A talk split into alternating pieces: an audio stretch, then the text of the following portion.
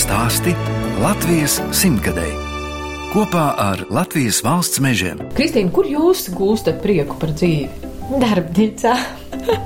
Virpoju un virpoju, un pati priecājos par to virpošanu. Tas ir mana relaksācija, absolūti. Man pirkt arī vajag reizi nedēļā. Es palieku īgni, es neesmu bijusi kārtīgi. Bet tā kārtīgi ar slotiņām? Nē, cik sanāk, ja dažreiz ar bērniem kaut ko izsildīties, noskrubēties ar kafiju, tas arī man ļoti labi der. Tā saka keramīķa Kristīna Nicmane no Prēļu novada aizkalnes pagasta apgaitām. Es, žurnāliste Daina Zalamane, šoreiz ciemojos pie jaunas uzņēmējas, kas šogad nodibinājusi savu uzņēmumu Jašas podi. Kristīnai ir divi mazi bērni, Martinam ir trīs, Hannai divi gadi, tāpēc traukus viņa virpo, kamēr bērni ir bērnu dārzā. Jaunā ģimene dzīvo Kristīnas dzīves biedra Ivo Kinzuļa senču īpašumā, mazo šņepstu ciemā. Veco guļbaļķu māju saimnieki ir pilnībā pārbūvējuši, un tā neatbilst priekšstatam par māju Latgales laukos. Tu brauc pa tādu ceļu, grumbuļi, vēl kaut kur tā māja. Mēs Jā. braucām no prēļiem uz Aglonu, tur ir tāda milzīga ceļu remonta, kā jums pēc kāda laika būs ļoti skaisti ceļi. Mm. Un tad vēl nogriezāmies uz tādu mazāku celiņu. Jā, Jā un tad pavisam maz uz maniem sarkanajiem jumtiem, kā es visiem saku. Daudz domā, ka laukos dzīvo, it sevišķi Lādigalē kaut kur viena taka līdz pirtī vai līdz akai un viss. Bet uh, šeit var arī ļoti labi dzīvot, tikai vajag darīt. Pat vietējie, kas atbrauc no prēļiem vai dakterīti, bija bērnus skatīt, viņi arī ienāk, vai Latgalē mājas bija kādreiz maziem logiem, apkure nav tik liela. Tad šeit tāds liels loks, plašums. Šeit bija vienkārši veca māja ar papi. Guļbāģi, ka visi no koka cēlā. Kā vecos laikos. To visu noņēma nost. Tad mēs to visu te nopucējām mūsu kaimiņš, un skāpi arī šis ir vecais skāpis. Mēs viņu uztaisījām. Ah, noņēmāt krāsu. Krāsu ielikām tādas lēķu durtiņas itāļu stilā uztaisījām paši. Jo Jā. mēs meklējam arī tādas risinājumus, piemēram, šis galds tagad ir divi plaukti. Negribam pikt tādu, kas ir pilnīgi tāds svaigs, man liekas, ka neiederās. Kristīna, jums tur stāv arī šūnu mašīna, jūs pat arī šūjat? Jā, sīkumus kaut kādus uh, spilgņus. Jā, linā aizkariņus, priekšautiņu sev darbam. Mazliet, neko no tāda baigā apģērba, nē. Šis ir no veidstētiņa. Tas, Tas ir koka miza. Tā kā koka tāda strēmele. Kādreiz tādus grozus izmantoju, un mēs viņu par malkas grozu. Apaļš. Jā, viņi taisīja tādus kā kubus mantu glabāšanai, nebija plasmasas toveru. Bija šādi, un katru lietu, ko es atrodu vēl vecāku un vēl neizmantojamāku, es viņu iestiepu iekšā, iznesu ārā, iestiepu iekšā atkal. Tu meklēji īsto vietu. Jā, un, un, un, un piemeklēju, un viss nāk. Un, O, nu tieši kā vajag. Bet kas tad no tās vecās mājas ir palicis? Nu, nekas. Tikai tās sienas apkārt. Jā, kaut kādi karkasi un nesošās sienas. Kad mēs šeit atnācām, tur nebija ne grīdas, bija vispār smiltis tur. Izrauta vecā grīda dēļu.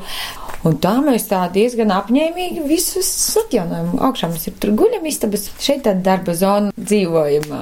Tā, un es skatos, te ir malkas klucīši. Jā, vienkārši tur bija risinājums. Dažas vietas vecajai mājai ir grūtāk atjaunot ja no jauna visu taisi, tad tu taisi kā tu gribi. Šeit jau bija kaut kādas nišas, kaut kādas detaļas. Visur reģipsi nepieliksi. Tagad mēs nožēlojam, ka vispār kaut kur uzlikām reģipsi. Nu jā, pirmā māja, visam saka, pēc trešās esot ideāls. Mēs ceram.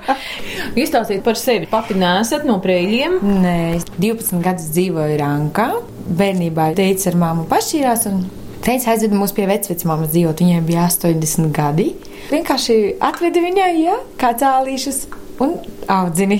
Tā mēs arī ar vecmāmu izaugam, ka bija īstenībā latgalieti no rugājiem. Vāvu novads, Lielās Dakānā dzīvoja. Es uzskatu, ja ne viņa, tad es varbūt būtu arī savādāks cilvēks. Bet uh, kā jau dzīvot ar vecmāmu, viņas tādas mīras, vispār nerājas.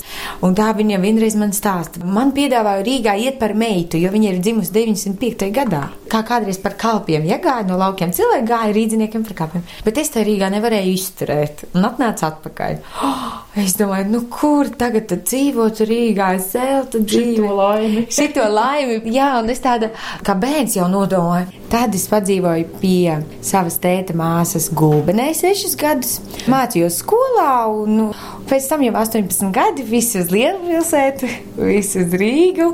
Un tad arī par Rīgu desmit gadi. Un tad, kad es atnācu šeit, es jau sapratu, man arī tā ir, ka man nevajag to Rīgu. Desmit gadus nodzīvoju, man patika.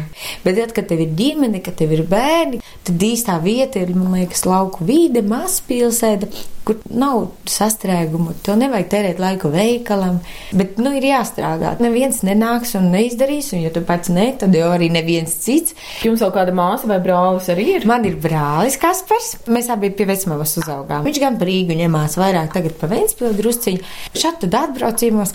Un man vēl pusmāsa ir Janīna. Ļoti mīļa, arī tipisks Rīgas cilvēks. Pārvācās uz ķekavu uz māju. Viņai patīk pilsētas, bet mājā arī patīk. Tikai ķekava ir ideāls tāds, ideāla vieta. Kristīna, no kā jūsos ir tā mākslinieckā puse? Jo te jau visā var redzēt, kā jūs māju iekārtojat, ka jums ir tā Varbūt kaut kur no mākslinieckā puse. mammas, tāpēc, kad mana pusmāsa arī, viņa ir laba gaume ļoti. Mācījāties juristos tādā diezgan sausā profesijā. Jā, es vēl esmu mācījusies arī stilistos. Ko darīt? 18 gados tu jau, protams, gribi būt skaista meitene, vai ne? Un tad liekas, ka noteikti vajag iet to. Tas viss ir interesanti, bet laikam nē.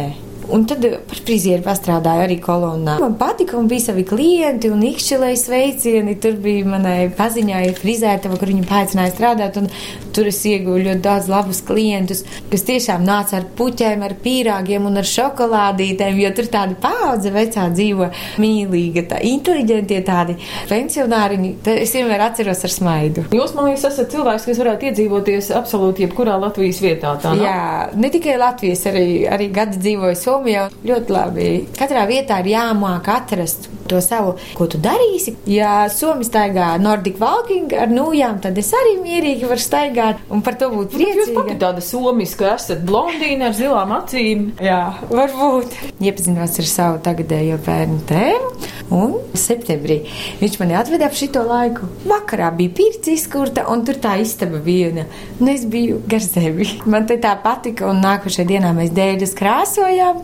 Tad viņš saprata, ka eh, man te patīk, un es sapratu, ka man te ļoti patīk. Tad šī vieta bija Ivo Senču. Vecmāmiņas. Viņa tiešām tur bija ļoti strādīga. Šeit vecmāmiņa dzīvoja, mamma nē. Nosūtīja kā pēc skolas beigšanas gulbenes bankā.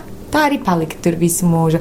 Vecētiņš bija ļoti strādīgs, vecmāmiņa bija ļoti strādīga. Antoņina Karpūne. Un Kazimīrs Kārakuns, viņiem te bija līnu lauki, un, un viņa bija rokdarniece. Šis ir no viņas. Viņai šeit bija augšā stēles, šūja mašīnas. Viņu iepriekš vēl viena paudze šuva piegriezuma mēteļi. Man pat ir tāda žurnāla no 32. gada, kā mēteļus, frakas šūt.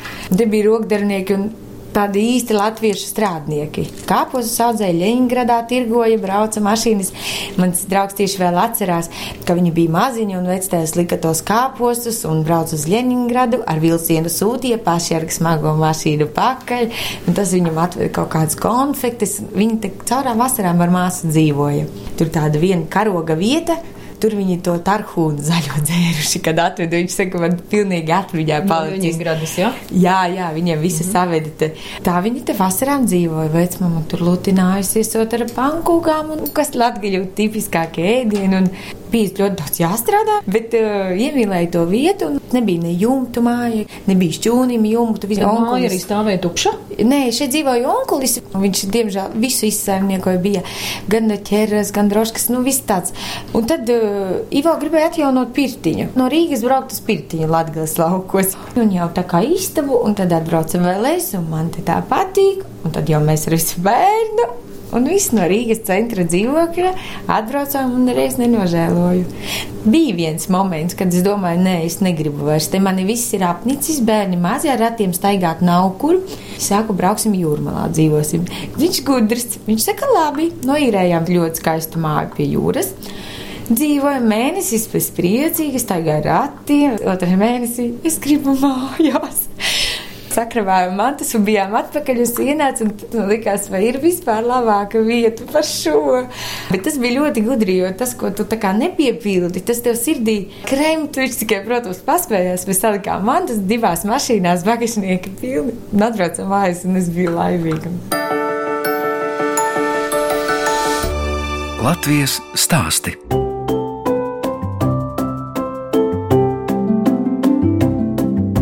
Skan redzējums Latvijas stāsti Latvijas simtgadēji. Šoreiz ciemojos pie jaunās keramiķes Kristīnas Nicmanes, Prēļu novada aizkalnes pagasta apgaitās.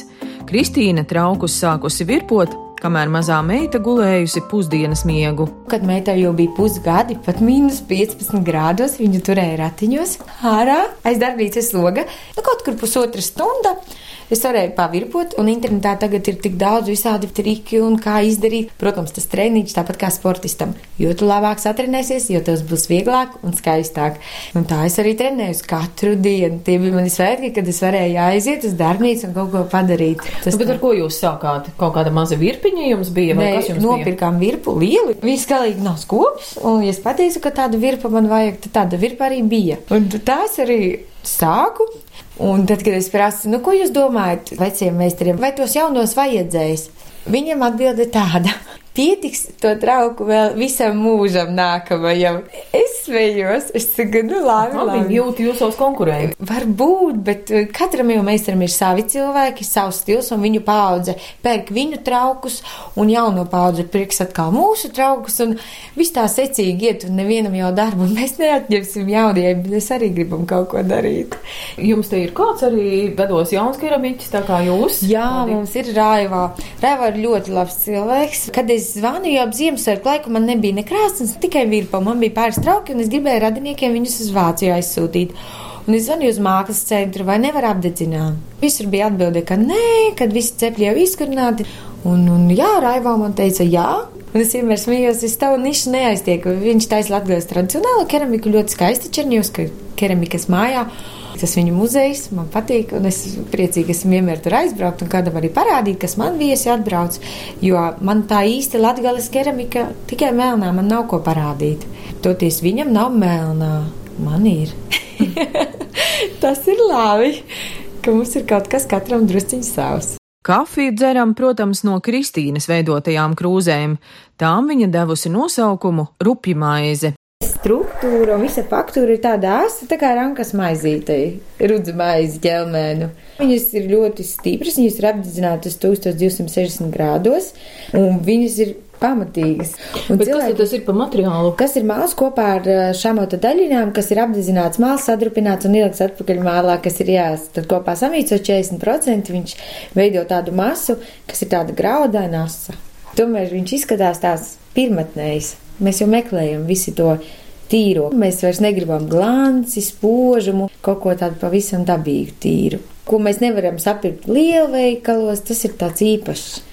Bet tieši tas, ka tas būs komunikācija ar meistaru, kad es zinu, ka tur dzīvo tāda un tāda Kristīna, un man ar viņu patīk komunicēt, un es no viņas pirkšu traukus neatkarīgi no tā, ka tur piedāvā lētāk. Varbūt kaut kas ir pat skaistāk, jo rūpnieciski izražot ir tik skaisti trauki, bet viņi Ja viņi ir vienādi, jau nav tā cilvēciskā faktora, kas tev atnesīs to trauku, iesaiņotu, ieliks vēl dāvaniņu iekšā kaut kādu puķīti, izžāvētu. Vasarā lasu visādus augus, un arī katram klientam cenšos kādu ielikt maisiņā, ielikt krūzītē, it kā neviļus, bet tas ir tās žēsts par to, ka tas ir no dabas, tas ir no šīs vietas, Es iedodu mazliet katram.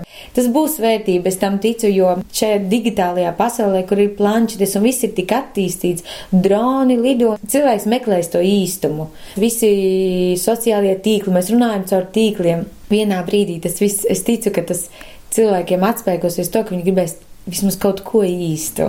Tas varbūt ļaus mums izdzīvot amatniekiem tādiem mazajiem, kas varbūt neražo milzīgas apjomus. Te šodien vairāk tā kā redzu tos melnos traukus. Jā, darbnīcā ir gaišie, jo gaišie ir vairāk pārdošanai. Viņi grib kaut ko gaišu, vieglu, krāsas, tad es tos atstāju tirsniecībai.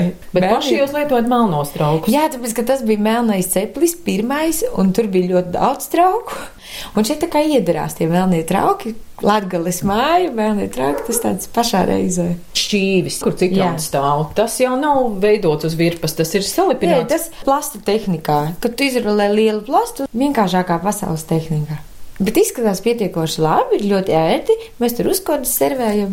Grūtāk izmazgāt, ka tur tās lapiņas tur tā Jā, iekšā. jo ar melno cepli ir tā, ka viņš izdarīs, kā viņam patīk, nevis kā tev patīk. Dažreiz brīnīties, dažreiz nepatīkami brīnīties, jo kaut kas nav sanācis. Bet es tā īpaši neskumstu, jo tā ir mana skola. Katrs trauks, kas man nesanāk, viņš man iedevis kaut kādu mācību, kā nevajag darīt, vai kā vajag darīt savādāk. Jo, ja visu laiku sanāktu, tad izaugsme jau nav. Kopā ar Kristīnu dodamies uz šķūni, kur atrodas viņas darbnīca un taps neliels veikaliņš. Šeit viss apšaubās ar tādiem dēlīšiem, norvēģi stilā. Un šeit būs viss caur plaukti, neko citu nevajag. Lai arī cilvēki, kas grib pataustīt, sajust, tur būs eja uz darbnīcu, tad no darbnīcas ienāk šeit. Šeit jau vairāk kas ir pasūtījumi. Piemēram, baznīcas tādus traukus arī nav kur īsti nopirkt. Man pasūtīja viena sieviete svētiem ūdenim. Tur ir mazas kaņas, šeit var pie nagriņas piekārt krustiņš. Šeit svēto ūdeni no baznīcas lej, šis arī jau ir rezervēts. Šis ir manai tantei, kas mani audzināja. Tā kā ķirbītis. Jā, tas būs rotā viņai. Šito nevienam nepārdošu. Tur ir šķīvis ar šūpu zirdziņu, to jūs pat arī glaznojat, jā, virsū? Ne, tas ir iespiests Ah. un izkrāsots tāds. Pots, klasiskais. Sievietei patīk magonis, viņas meita viņai uz dzimšanas dienu. Un Jūs pat esat magonītis ielikusi. Jā, man tieši augas ielikšu dāvanā. Es dažādas tehnikas izmantoju. Te ir tāds asais māsa, mazliet ar šamutu iekšā, izvirpo bļodu, kantēnas malas apgriež ar tādu speciālu nazi, glazē. Šis ādīšanai. Šeit diedziņš iet un ieliec ādatas, man te Nu jā, lai kamoliņš neaizripo. Jā, tad es uztaisīju vienu paraugu prēļu vecmāmiņām. Jo parasti viņām grib kaut ko uzdāvināt, bet neko viņām nevajag. Te ir kaut kas vēl no melnā, bet nav pārāk daudz tagad uz vietas nekā. Tāpēc, kad ir kaut kas izpārdots Bet vispār tā vīrpa jums arī tāda neliela. Jauda viņa ir liela, tur var uzlikt uh, 30 kg virsū. Tas, ka viņa izskatās neliela, nu tā ir nākotne. Mums vairs nevajag spāraratu, bet tas, ka viņa ir maziņa, es neesmu pārāk liela, man ir zema nostādīta. Viņu var pacelt augstāk, tad viņa izskatīsies lielāka.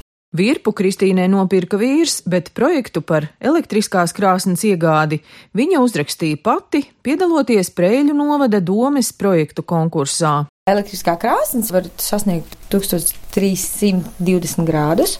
Ļoti karstā tas būs porcelāns, piemēram. Jūs piedalījāties arī Preļu novada projekta Jā, konkursā. lai izpildītu tādu formu, varēja iegūt to naudu, pusi jāmaksā pašam, pusi dot prēļu doma. Varēja nopirkt vai iekārtas, vai elektrību paaugstināt. Tad reiz trijos gados var pieteikties, ļoti ātri izskata. Man krāsnes bija, man liekas, nedēļas laikā jau atveda kurjeris. Es biju ļoti priecīga, jo man šeit ir tikai viena fāzes pieslēgums, un es nevaru nemaz lielu ielikt. Un ļoti labi krāsnes. Tiešām tik, cik es varu paspēt sataisīt, tik man arī pietiek. Un Ko te jūs tagad tajā līderu projektā? Tur man būs vēl viena krāsnes, kas būs raku apdedzināšanai, bet raku krāsnes būs pietiekoši liela, ka šādus traukus asos var ielikt, apdedzināt līdz grādiem noteiktiem, apglazēt ar speciālām raku glazūrām, ar knaiblēm un lieliem cimdiem. Ņemt ārā, likt, piemēram, skaidrās lapās vai baltika raku ir tādā kā graudu novārījumā, un viņš tā reaģē un sakrāso to materiālu. Un viņš paliek nu, unikāls, absolūti. Un vēl kaut ārā saplīst, piemēram, tā glazūra un tādu kraklēto efektu rada. Tas ir tāds populārs arī veids, bet Latvijā ļoti maz strādā ar to. Nu, es jūtu, ka šajā jomā arī tehnoloģijas ļoti attīstās. Ja? Jā, jā, tā krāsnes ir speciāli paredzēta. Viņu var vērt vaļā, gāzes balons, un tad sildi viņu uz gāzi. Tad vēl paredzēts māla mikseris, kas atļaus man to smago darbu, ko tu dari ar rokām, lai perfekti izmīcītu plastisku bālu. Tu izdarīsi mašīnā. Dažādas preses, plasta galdi, ar kuru ir tas liels arī mīklas rullis, kas perfektu biezumu vienādi visiem uztaisa, lai varētu šādus traukus taisīt un vēl lielākus. Jūsu uzņēmums ir pavisam jauns, tikai trīs mēneši. Un kāpēc jašas podi? Tāpēc, ka šeit ir garām upe, man mīļa maziņa upe. Man tas nosaukums kaut kur sēdēja galvā, es zināju, ka kaut kas ar jašas būs. Jašas keramika būtu par garu, jašas podina tāds punkts uz ī. Es negribēju parakstīties kā autors, tā kā Kristīna Nīcman. Es gribēju, lai tas būtu, tā kā es varu paiet drusciņi nostāk, tie ir jašas podi, jau desmēs. Kā jums skatās mikro uzņēmums tagad? Tā ir saimnieciskās darbības veicējs, PVN maksātājs. Kā tas ir, Kristīna, ka ir uh, savs uzņēmums? Labi, tu no rīta piecelies, pārbaudu pasūtījumu ir vai nav internetu veikalā. Jums internetu veikals arī Jā, jā, jā www.jašaspodi.com. Pagaidām tikai latviešu valodā, bet tas kom, tas ir ejo uz nākotni, uz to, ka tirgu paplašināt, izstādēs kaut kādās piedalīties. Tāpat Vācija man interesē ļoti, Frankfurtē izstādes, kur varētu pārstāvēt sevi un Latviju un Latgali. Kad mēs netaisam tikai vienādu un melnu, mēs varam arī ar porcelānu strādāt. Jāmēģina tie trauki taisīt tādi, lai viņi integrētos tādā modernā mājoklī arī. Brauc pie jums arī uz mājām, kāds, kas grib Nu, tagad prasās tur remonts, bet šodien rīt atvedīs man logu pie virpas logs lielais. Mums ir sarunāts jau meistars. Un tad viņš man visu apstrādās, ar arī būs viss no koka. Un būs meistara darbnīcas pieaugušām sievietēm vai vīriešiem, kā vēlas. Pieaugušs cilvēks, viņš zina, ko viņš grib. Viņš grib sev kafijas krūzi vai vīram, vai mammai, vai tētim. Un viņš to pats realizē tikai mazliet ar tādu manu padomu. Kāpēc tāda niša? Tāpēc, ka skolēniem jau ir kur darboties. Bet pieci cilvēki var pieteikties individuālai darbnīcai ar gala rezultātu, ka tev pēc tam pēc nedēļas atsūta trauku. Tāda niša ir brīva. Un tāpēc es arī gribu piedāvāt, jo man arī būtu interesanti, kad atbrauktu kāda sieviete, mēs varam pasmieties, padzert teju, varbūt kaut ko garšīgu apēst un forši kopā darbnīcā uztaisīt tādus radošus traukus. Nu, man liekas, Kristīna, ka no jums pilnīgi izstaro tāds prieks par to, ko jūs pati darāt. Jā, man patīk. Kā dažreiz keramiķi saka, nē, tās mārketinga lietas, tas tirzniecība, tas viss man nē, es pati tikai taisīt. Es varu atvērt savu mājaslapu, es uzrakstīju projektus, es varu izdomāt, kā tirgot, ko tirgot. Es varu pati sataisīt savu grāmatvedību un nodot atskaites, ko vajag to daru. Latvijas stāsti.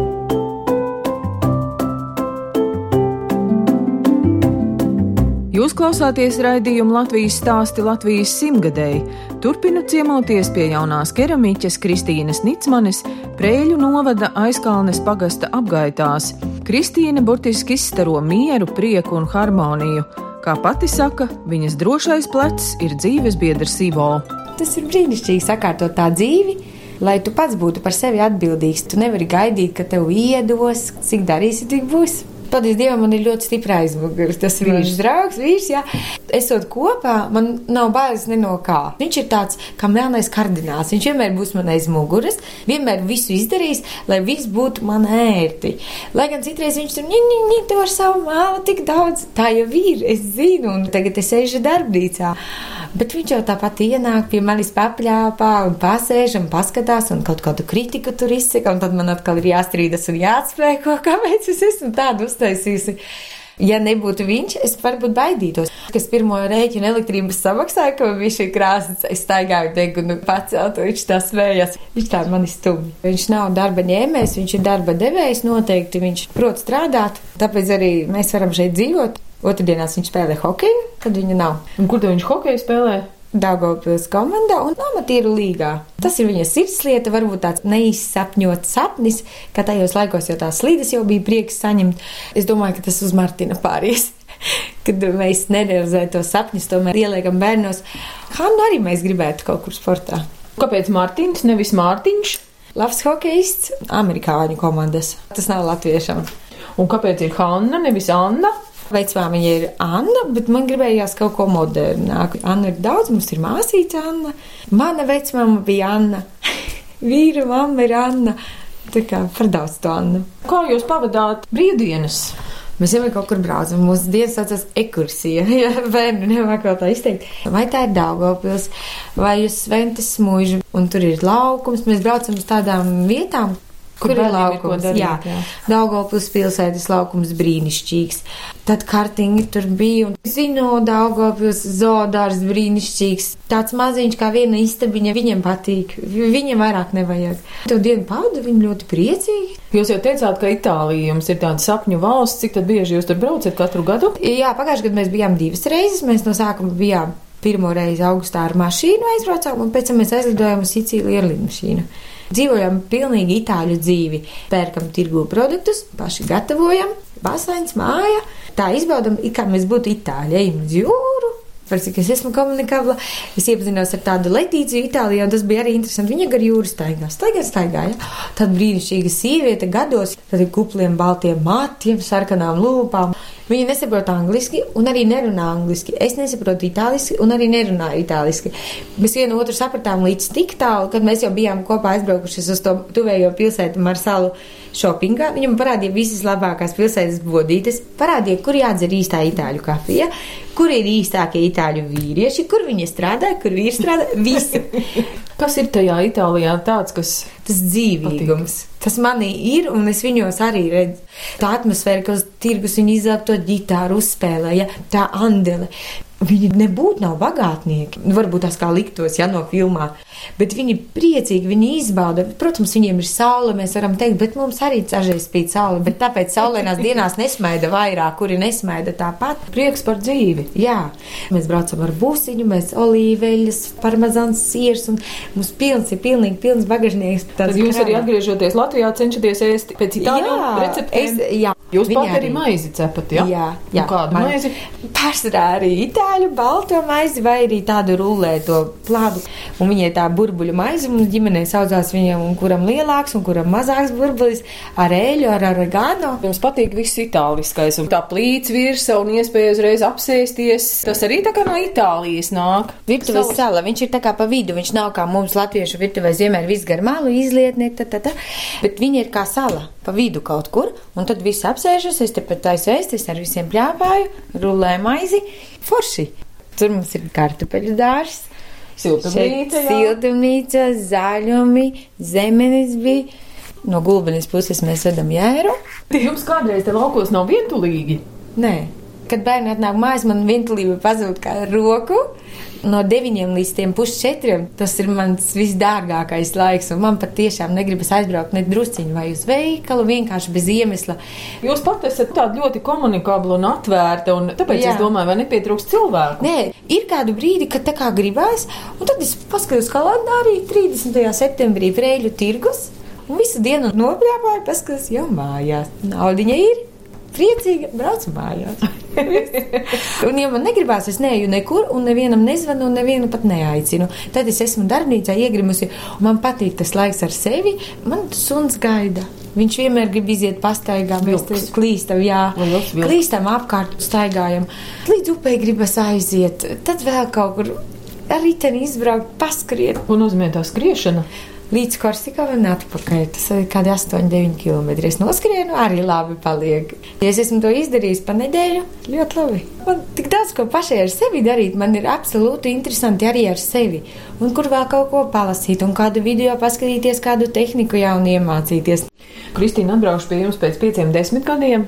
Es domāju, ka būs jau kāds projekts uztaisīts un būs atsevišķa darbnīca, kādu guļbūvēka vecā pārpirkt un atvest šeit. Man tā ideja ir tāda. Gribējām būvēt jaunu, un es skatos un skatos, un birokrātija tik gara tam visām būvniecībām. Es domāju, ka es pārvadīšu kādu ēku, jo es gribētu tādā vecajā latgaļu, es esmu redzējis, ļoti skaisti izskatās, kad vecā ēka, lubiņu jumts. Par to aizkalnes pagastu jums arī kaut kādi sakari? Uh, sakars nav nekāds. Tagad tikai atveru to lapu, es redzu, kad aizkalnes cilvēki tā kā ielaiko vai atzīmē, ka viņiem patīk un padalās ar kādu bildi. Jo tas tā nav laukos, ka te nāks tā kā Amerikā ar pīrāgu un visi sasveicināsies. Tā šeit jau noteikti nav. Ja kādam vajadzības tādu mālu nodarbību var novadīt arī skolās vai arī bērniem nodarbībās, vadījus, starp citu bērniem ļoti patīk. Viņi jūt laikam to azartu man iekšā, un viņiem tas liekas, ka tāds jauns cilvēks tev rāda, tad viņam liekas, oho, tas ir forši. Amatnieki jau parasti ir mūsu draugi, jo cilvēks strādā ar rokām, un viņi var klausīties gan rādio, gan mūziku. Nu, es pieļauju, ka jūs vairāk mūziku klausāties. Jā, es klausos, un ziniet, man ļoti, ļoti patīk Inters Busos. Piemēram, viņiem ir tāda diezgan humoristiska dziesma par Raini. Šeit blakus ir Jasmuiža, šeit jaunības dienās dzīvoja Rainis.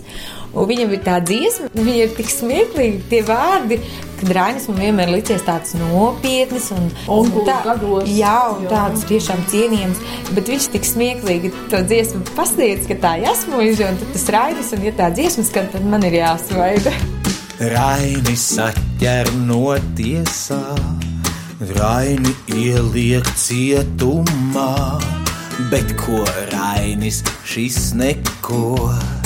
Faustu ņem un patūko, Raini rāj un trimdā dzen, Aspazija raud un sten, Gadi nāk un gadi skrien, Šis tik tulko, tulko vien. Radījums Latvijas stāsts Latvijas simtgadē šoreiz izskan ar Intara Busuļa dziedāto dziesmu Rainis. Es ceru, ka arī jūs šo dziesmu klausījāties ar smaidu, tāpat kā keramiķa Kristīna Nicmane, kas dzīvo Prēļu novada aizkalnes pagasta apgaitās, un strādā savā uzņēmumā Jašas podi netālu no Raiņa muzeja Jasmuižā. Fotogrāfijas, kā vienmēr, varat apskatīt Latvijas Rādio 1 mājaslapā. No jums atvedā žurnāliste Daina Zalamana un operātora Inga Bēdele, lai tiktos atkal tieši pēc nedēļas.